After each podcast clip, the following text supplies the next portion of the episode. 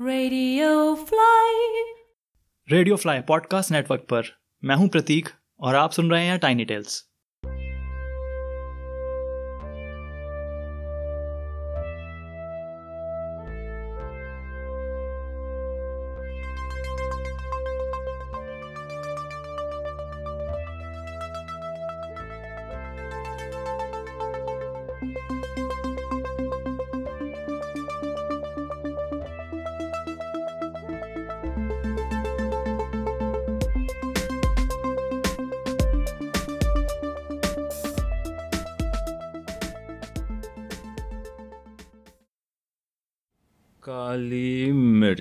और? टूथपेस्ट लिखी? टूथपेस्ट खत्म है। टूथपेस्ट हाँ लिखी ना। अरे वो लिखो क्या कहते हैं? वॉशिंग मशीन वाला डिटर्जेंट डिटर्जेंट यार एक बात बताओ। ऑनलाइन ऑर्डर क्यों नहीं कर सकते हम? नहीं वो स्टोर वाले बढ़िया जूट बैग देते हैं। तो जूट बैग के चक्कर में जो मैडम आने जाने का पेट्रोल लगेगा उसका क्या? तुम्हें नहीं जाना तो मत जाओ। मैं खुद ही चली जाऊँगी। ज़्यादा सुनाने की ज़रूरत नहीं है। अरे ले आऊँगा भाई सामान। भड़को मत। मैं भड़क रही हूँ। इस घर में एक ही है जो भड़कता है। बोर कर रही हूँ मैं। फरा यार बारह बज रहे हैं। मुझे कल बॉस के साथ साइट पे भी जाना है। मतलब मेटर्निटी लीव क्या ले ली? मुझे तो कोई काम ही नहीं है। सारा काम तुम्हें ही है। यार तुम हार्मोनल हो रही हो। अभी सोते हैं ना मुझे बहुत नींद आ रही है। नॉनसेंस कितनी नॉनसेंस बात की है तुमने। तुम दुनिया की पहली प्रेग्नेंट औरत नहीं हो। डॉक्टर ने कहा था ना मूड चेंजेस नॉर्मल है। विटामिन लिए तुमने आज? बात मत घुमाओ पॉइंट पे आओ। परसों भी तुम्हें बोला था पर्दे टांग दो। तुम रोज ऐसे ही आदिल बाहर कोई है? अरे ऊपर से आई यार आवाज़। बाहर से आई है? मेन डोर लॉक नहीं किया क्या? रोज पूछना पड़ता है तुम्हें। अभी तो जाओ। देखो लिविंग रूम में कोई है? चोर? ओह शिट और जब मैं बोल रही थी? मेरा क्रिकेट बैट कहाँ है? अलमारी में है? वो तो मैंने साथ वाले लड़के को दे दिया। क्या? तुम कहाँ खेलते हो अब? उसका बैट टूट गया था। अरे यार अच्छा कोई डंडा है? कुछ तो दो। पर्दे की रॉड पड़ी है। इधर पीछे। एक काम करो फ़ोन में सौ नंबर दबा के रखो और मेरे पीछे से दरवाज़ा अंदर से लॉक कर लेना। जब मैं कहूँ तो नंबर मिला देना। आदिल ध्यान से। लव यू टू डरो मत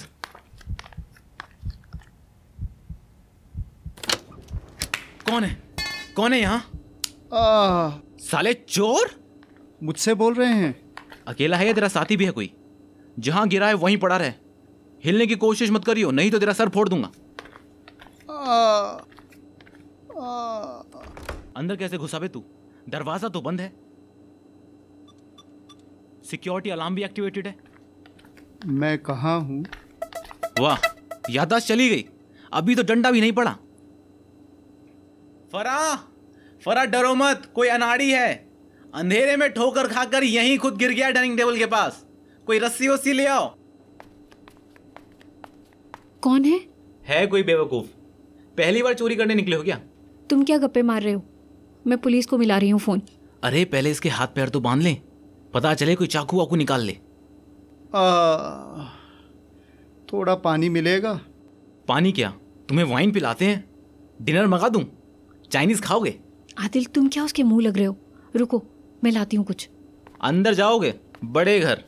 वहाँ मिलेगा खाना और पानी तुम्हें फ्री में। ये लो। ये क्या है? मेरे पजामे? नाड़ा निकाल लो ना इनका। अरे! और कुछ नहीं है इस समय मेरे पास। ओफो! अच्छा डंडा पकड़ो। आ, आ, मेरा सर। चल बे चोर उठ कुर्सी पे बैठ। बैठ इस पे। हाथ पीछे। तलाशी लो इसकी। ये मेन डोर तो बंद है अंदर से और सिक्योरिटी अलार्म भी। हाँ मैंने भी देखा। पता नहीं कहाँ से घुसाया। कहाँ से घुसाया बे तू अंदर? कुछ मिला इसके पास से? पानी। प्लीज़। नहीं कुछ भी नहीं। जूता चप्पल कहाँ है में तेरे? पानी पानी। मैं लाती हूँ पानी। आदिल ठीक से बांधा ना इसे। शुरू कर दी तुमने अपनी मेहमान नवाजी।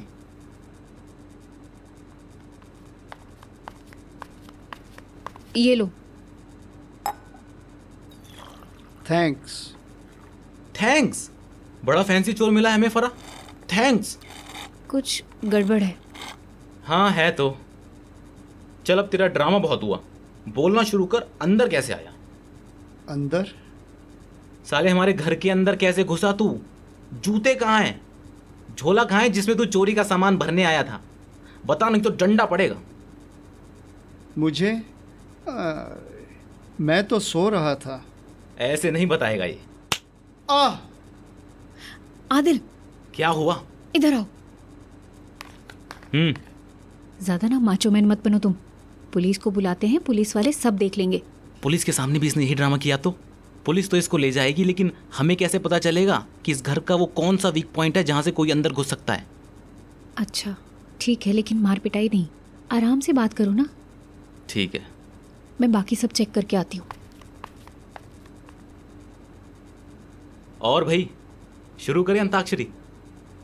देखो बेटा जितना आप कंफ्यूज हैं उससे ज़्यादा तो मैं कंफ्यूज हूँ। इंग्लिश तो बहुत अच्छी आती है तुम्हें। कहाँ तक पढ़े हो? I am a P H D अबे ग्रेजुएट बोल देता। इतना ऊँचा फेंकने से क्या फ़ायदा? मैं समझा नहीं। अच्छा छोड़। ये बता बंद दरवाजे से एक पीएचडी चोर मेरे घर में कैसे घुसा?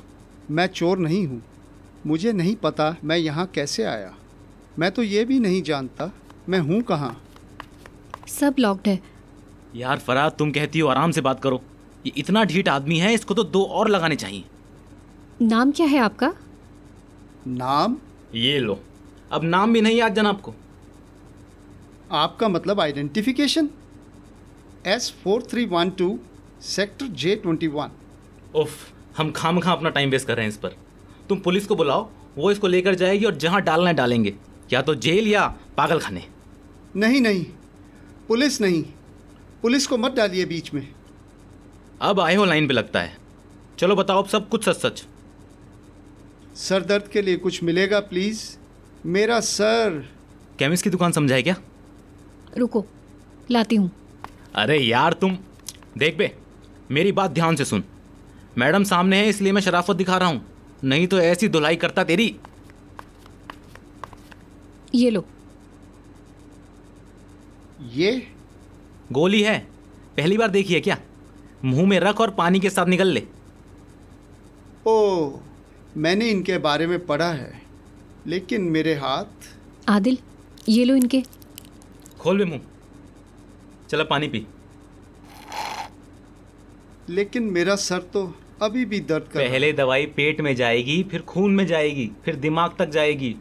पीएचडी। आई सी आए हाय आई सी बेटा बैठो please. You should not be standing अबे ओ मुझसे बात कर उनसे नहीं। ये क्या है?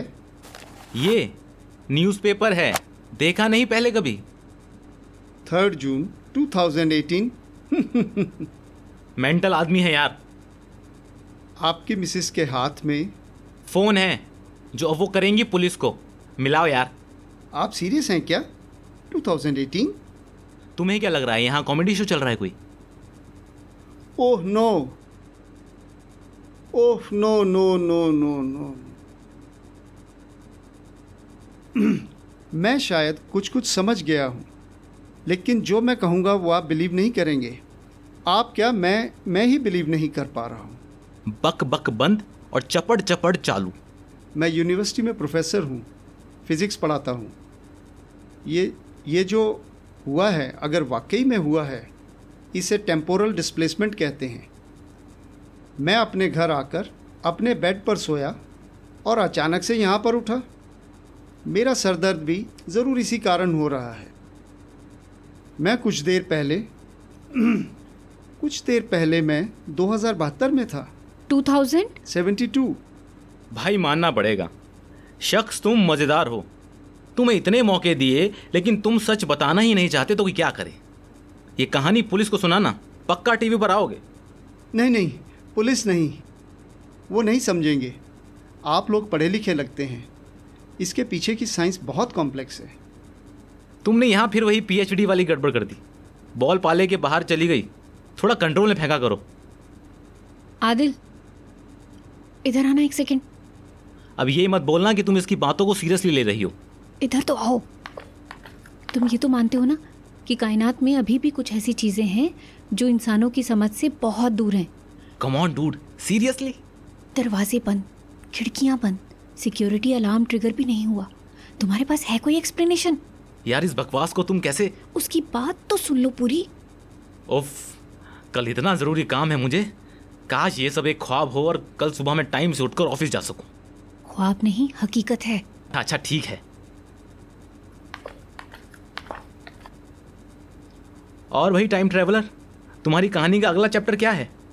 अगला चैप्टर ना ना लेट मी गेस अब तुम कहोगे तुम्हें अपने टाइम में वापस जाने के लिए एक टाइम मशीन बनानी है जिसके लिए तुम्हें लाखों रुपए चाहिए।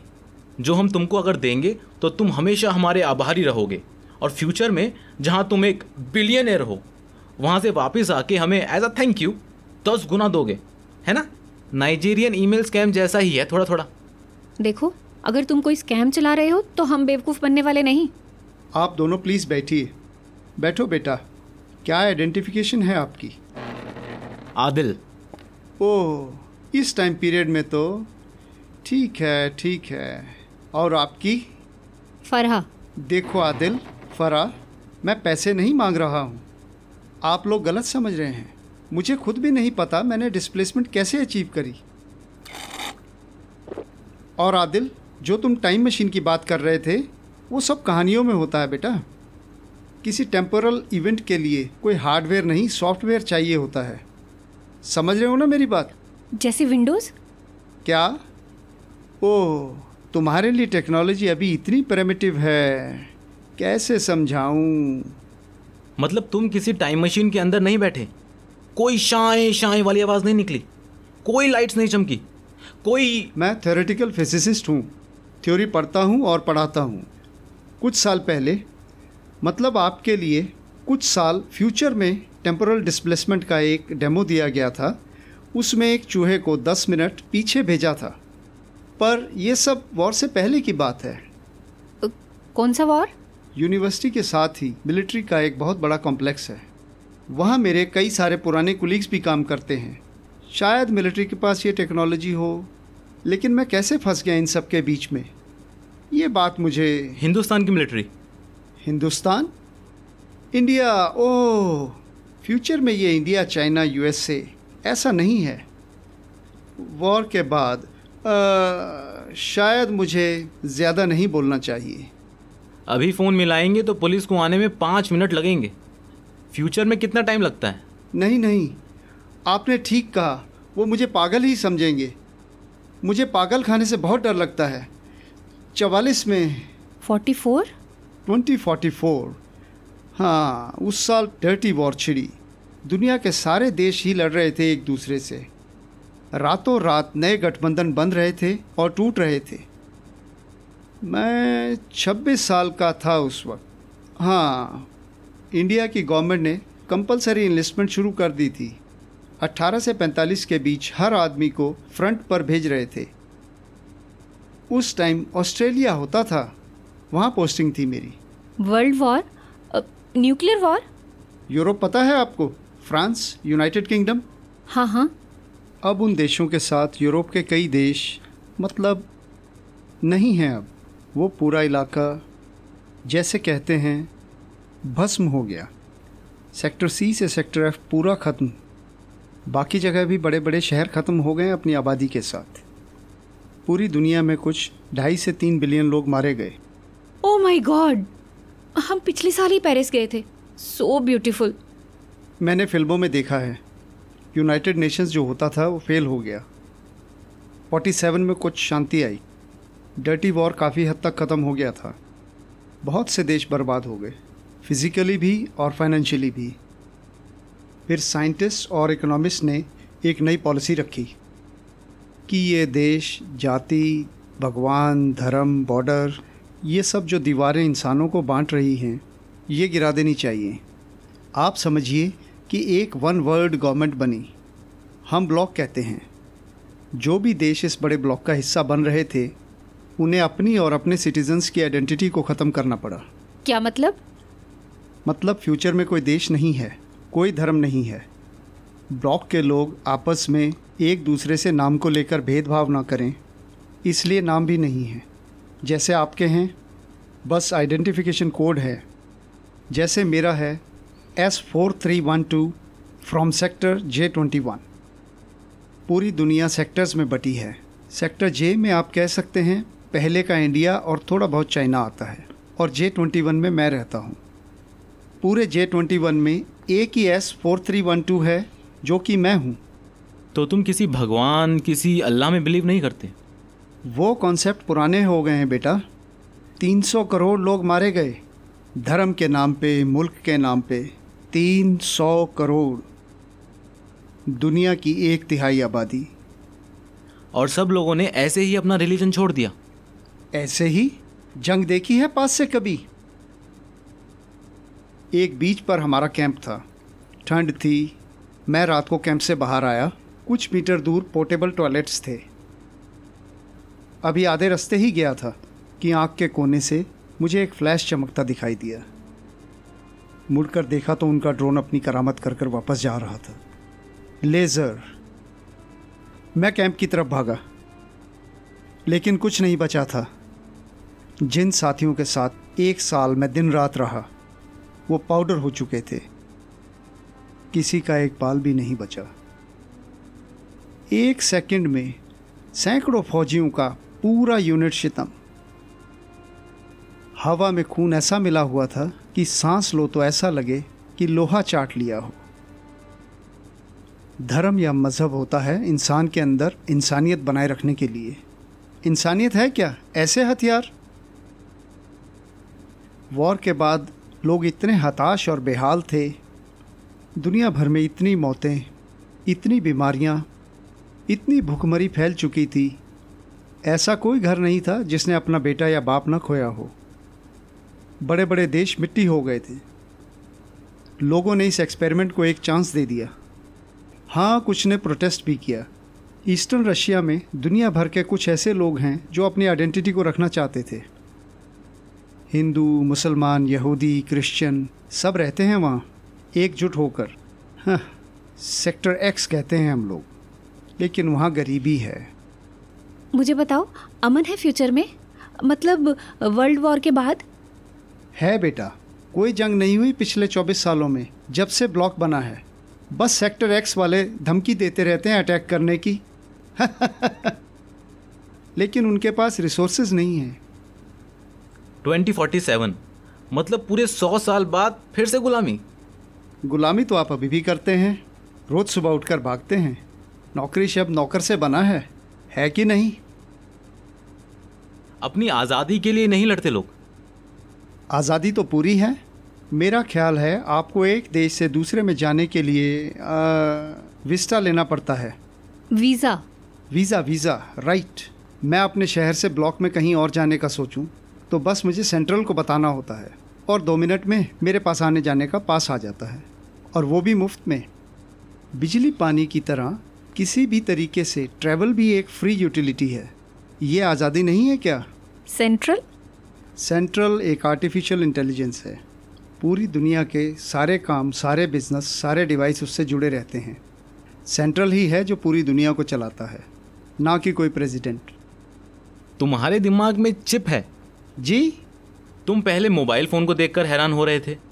कैसे कम्युनिकेट करते हैं लोग तुम्हारे इस फ्यूचर में?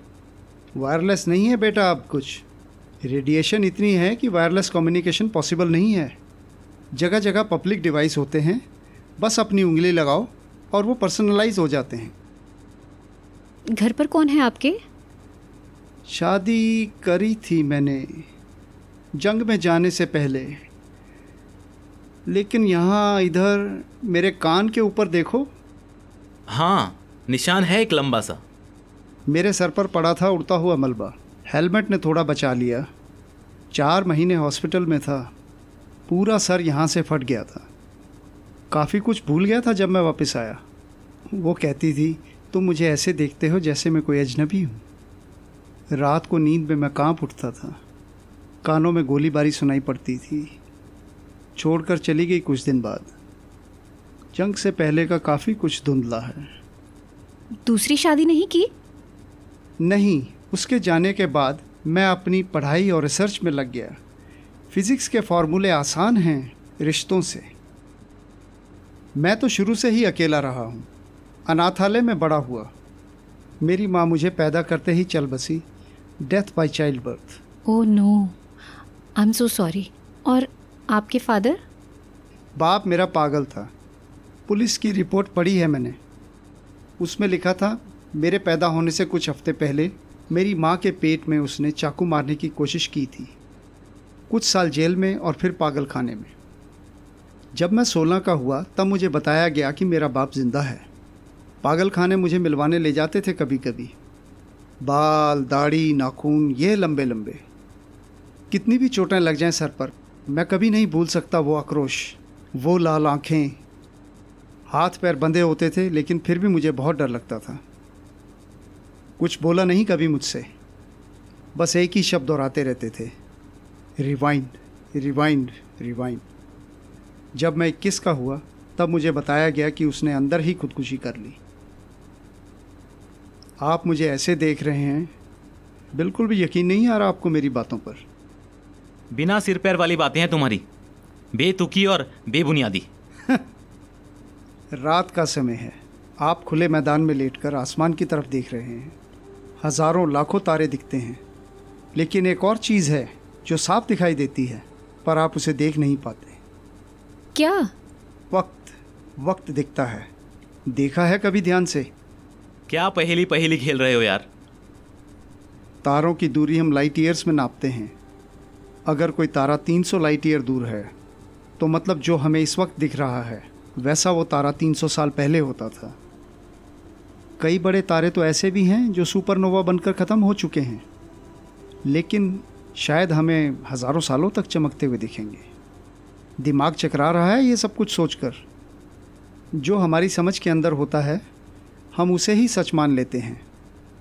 मेरी बातें आपकी समझ से परे हैं तो आप नकार रहे हैं। आदिल एक सेकंड रूम में आना। पूरे बेंगलोर शहर में हम ही मिले तुम्हें पागल बनाने के लिए। आदिल। बेंगलोर? बेंगलमोर। बेंगलुरु? मैं बेंगलमोर यूनिवर्सिटी में पढ़ाता हूँ।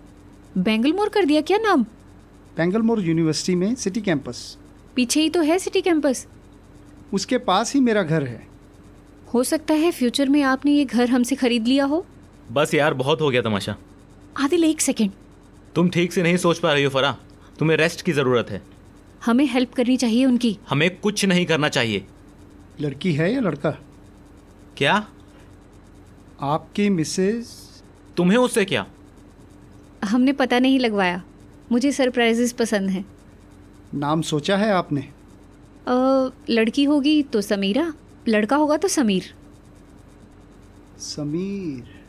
समीर। फरा तुम इस मेंटल से बात करना बंद करो और जाकर रेस्ट करो। मैं पुलिस को बुलाता हूँ। अगर मुझे सिटी कैंपस छोड़ देंगे तो मेरे पास एक आइडिया है। मैं समझ गई। आप कॉलेज में कहीं एक मैसेज छुपाओगे जो आप फ्यूचर में पढ़ सको। ये तो और भी अच्छा है।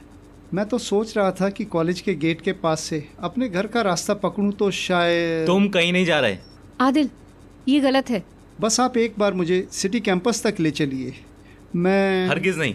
आदिल डू इट मैं गाड़ी की चाबी लेकर आ रही हूँ। फरा। मैं तुमसे बात नहीं करूँगी बता रही हूँ। उफ। अगर मुझे एक परसेंट भी कोई चालाकी लगी तुम्हारी तो जहाँ तुम्हें चोट लगी है वहीं डंडा मारूँगा। प्लीज़ टेबल पर रखो हाथ। जब तक मैं ना कहूँ बिल्कुल पुतला बन के बैठे रहो। थैंक यू सो मच ये क्या है? हाथ दिखाओ। है तो तू चोर ही साले। मेरी अंगूठी कब चुराई? साले चोर। क्या हुआ?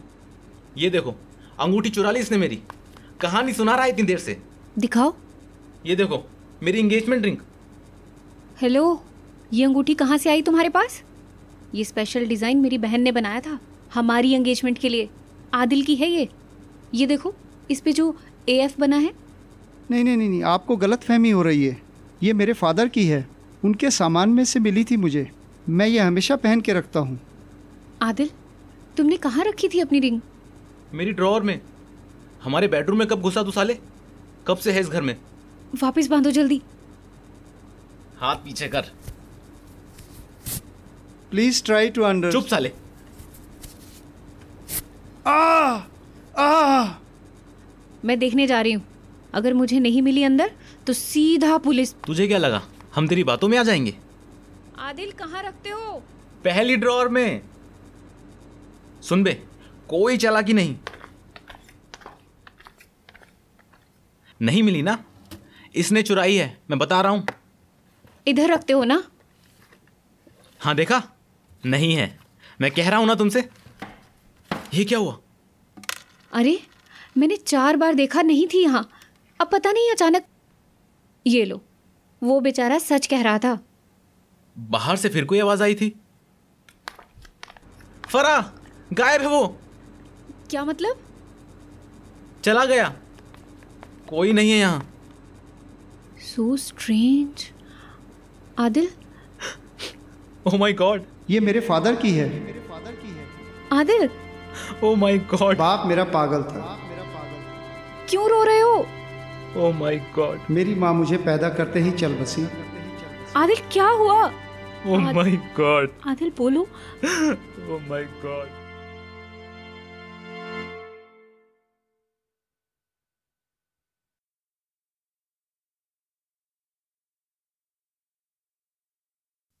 Time lag.